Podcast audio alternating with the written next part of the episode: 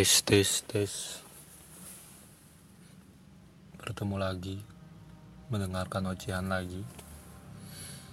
Latihan ngomong lagi. Bareng Manggala di sini. Di podcast yang so asik. Yang ngebahas ngobrol sendirian terus. Jadi pengen ngebahas yang serius kali ini sangat serius. Sangat sangat sangat sangat serius.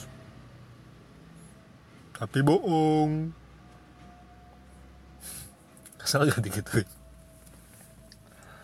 jadi belakangan belum lama ini ada insiden youtuber ngeprank ngeprank waria jadi buronan polisi kabur lalu pas pelarian dia bikin insta story permintaan maaf tapi di akhir storynya dia malah bilang tapi bohong. Malah nyari gara-gara. Setelah ditangkap sama polisi polisi balik ngeprank dengan bilang bentar lagi kamu dibebasin. Tapi bohong sampai situ dulu. Bagian dia uh, bagian si youtuber ini ngeprank waria dengan iming-iming ngasih sembako tapi isinya batu bata jelas itu salah. Salah banget. Salah salah salah banget. Tidak tidak ada alatnya. Tapi pembulian di penjara setelah si youtuber terbukti bersalah pembulian di penjara uh, video pembulian di penjaranya kesebar kan juga nggak bener. Kalau kata bang Panji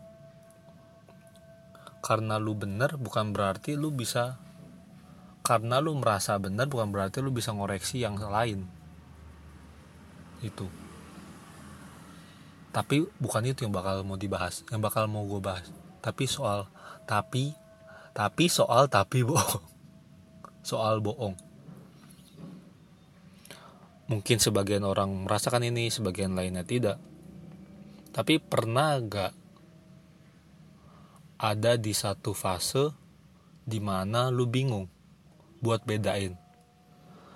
Bener salah? Uh, ini bener gak sih yang selalu ada di kepala lalu itu ini bener gak sih? Ini bener gak sih? Ini bener gak sih? Kalau di kasus gua konteksnya soal jujur dan bohong. Kayak sama perasaan. Perasaan. Uh, sebenarnya gue gue suka gak sih sama makanan ini? Hmm, nggak suka suka. Nah kayak sesimpel itu gue bingung tuh. Gue nggak tahu gue suka atau nggak suka. Gue jujur atau bohong. Kayak kalau ada nanya pendapat gue kalau ada orang yang nanya pendapat gue soal uh, entah itu apa pun. Nah gue kesulitan buat membedakan opini gua yang gua kasih ini benar atau enggak terus gue jujur atau bohong sama diri gue sendiri. Kenapa bisa begitu? Karena dimulai dari ini nggak bagus. Mulai kebiasaan berbohong. Kebiasaan berbohong. Kalau gue gua tumbuh dengan pendapat dengan persepsi gue sendiri kalau kalau jujur datang dengan konsekuensi tapi bohong enggak dengan persepsi kalau uh, menunda kebo menunda menutupi sesuatu dengan kebohongan itu lebih baik. Karena efeknya ah bisa nanti. Efeknya nggak kerasa sekarang. Bohong itu kan kayak kayak kayak lu ngutang. Tiap hari bunganya bakal nambah. Sampai di satu titik lu nggak sadar kalau perasaan utangnya segini dah. Kok gua harus bayar lebih mahal? Kasusnya sama kayak bohong. Dampak yang didapat harusnya bukan harusnya sih emang pasti lebih besar bakal menumpuk menumpuk menumpuk menumpuk. Istilahnya apa ya? Compound interest. Bunga majemuk tapi bohong tapi bohong itu kadang gue juga jadiin bercanda kata-kata tapi bohong ketika gue ngomong jujur di akhir tapi gue bilang di akhir kalimat itu gue bilang tapi bohong gue melakukan itu cukup sering. Sering malah. Dimulai dari satu ah dua kali. Tiga kali. Empat kali. Lima kali. Dari sadar sampai jadi bawaan aja nggak sadar gue makanya untuk kebiasaan yang lu tahu itu nggak bener jangan kasih kesempatan karena ada yang gue lupa quotesnya siapa dia bilang kesalahan sekali itu wajar. Nah kalau sampai dua kali itu jelas kesalahan. Oh ya kesalahan sekali itu masih bisa dikompromi. Kalau kesalahan dua kali kesalahan yang sama dua kali itu ya jelas kesalahan. Karena lu tahu itu salah dan lu tetap memilih opsi itu. Ya meskipun pada beberapa kondisi beberapa kondisi terpaksa, terdesak, dan beberapa orang nggak punya opsi lain. Tapi kalau itu selalu jadi alasan, ya bakalan bohong terus. Bakalan bohong terus. Dan yang rugi bukan cuma orang lain, tapi diri lu sendiri. Terlalu banyak bohong sampai bingung bedain mana jujur mana bohong. Ini gue jujur ini gue bohong. Jadi kayak melapisi diri sendiri dengan lapisan lagi lapisan lagi. Jadi bakalan susah cari tahu value purpose dream lu apa. Karena lu udah kebiasaan bohong sama diri lu sendiri harusnya sih ini pengen gue tulis. Karena pengen gue tulis di blog tapi kok mentok. Karena gue jadi inget lagi sama ini setelah gue kembali membaca buku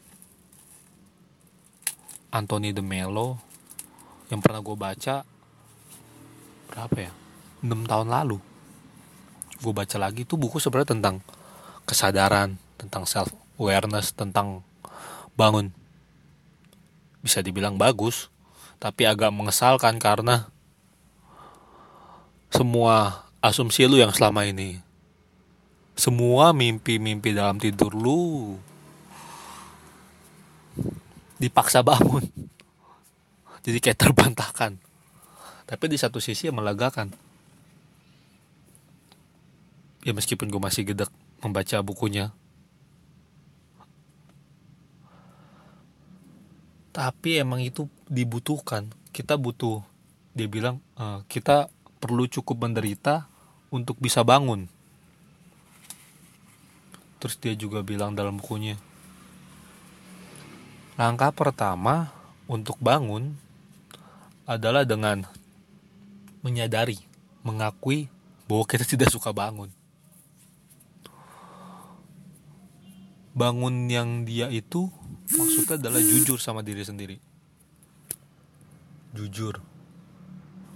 Jujur mengakui sadar bahwa bangun itu nggak enak dengan segala itunya. Tapi bukan berarti kita nggak kita bisa tidur terus. Kita tetap perlu bangun. Kita tetap perlu bangun karena kita kayak kita bakalan ada kita bakalan bangun suatu saat nanti.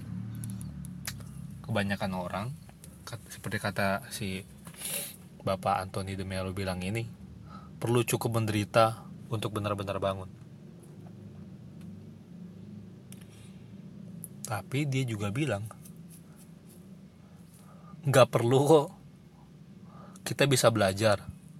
Jangan jangan sampai menderita banget baru mau bangun. Nah makanya gue masih baca bukunya. Belum selesai. Karena gue udah lupa apa yang enam tahun lalu gue baca.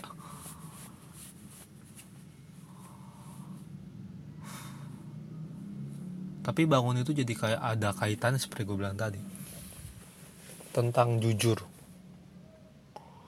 Tentang melatih dan bersabar membuka lapisan lapisan kebohongan yang lu tanamkan satu persatu. Gue nggak tahu harus mulai dari mana. Mungkin lu juga nggak tahu. Tapi harus dicoba. Oke? Okay? bullshit emang kalau bilang. Jujur aja sama diri sendiri. Oh bukan bullshit emang kalau jujur sama diri sendiri gampang. Buat sebagian orang yang udah terbiasa jujur emang gampang. Tapi kan gak semua gitu. Makanya tak makanya harus dilatih. Susah itu bukan berarti nggak mungkin. Cuma perlu latihan lebih. Jaga kesehatan jaga kewarasan uh, selesain tugas skripsi persiapin buat semhas tentunya pengingat buat diri sendiri. Dan terus percaya bahwa sejatinya kita ditunggu. Kita ditunggu untuk memudahkan orang lain. Maka sepanjang perjalanan yang kita nggak tahu kapan berusahalah dengan kesadaran penuh untuk memantaskan diri supaya ketika kesempatan itu datang kita benar-benar bisa membantu seutuhnya. Dimulai dengan membantu diri sendiri. Sekian obrolan ngaco obrolan kegelisahan Makasih sudah meluangkan waktu.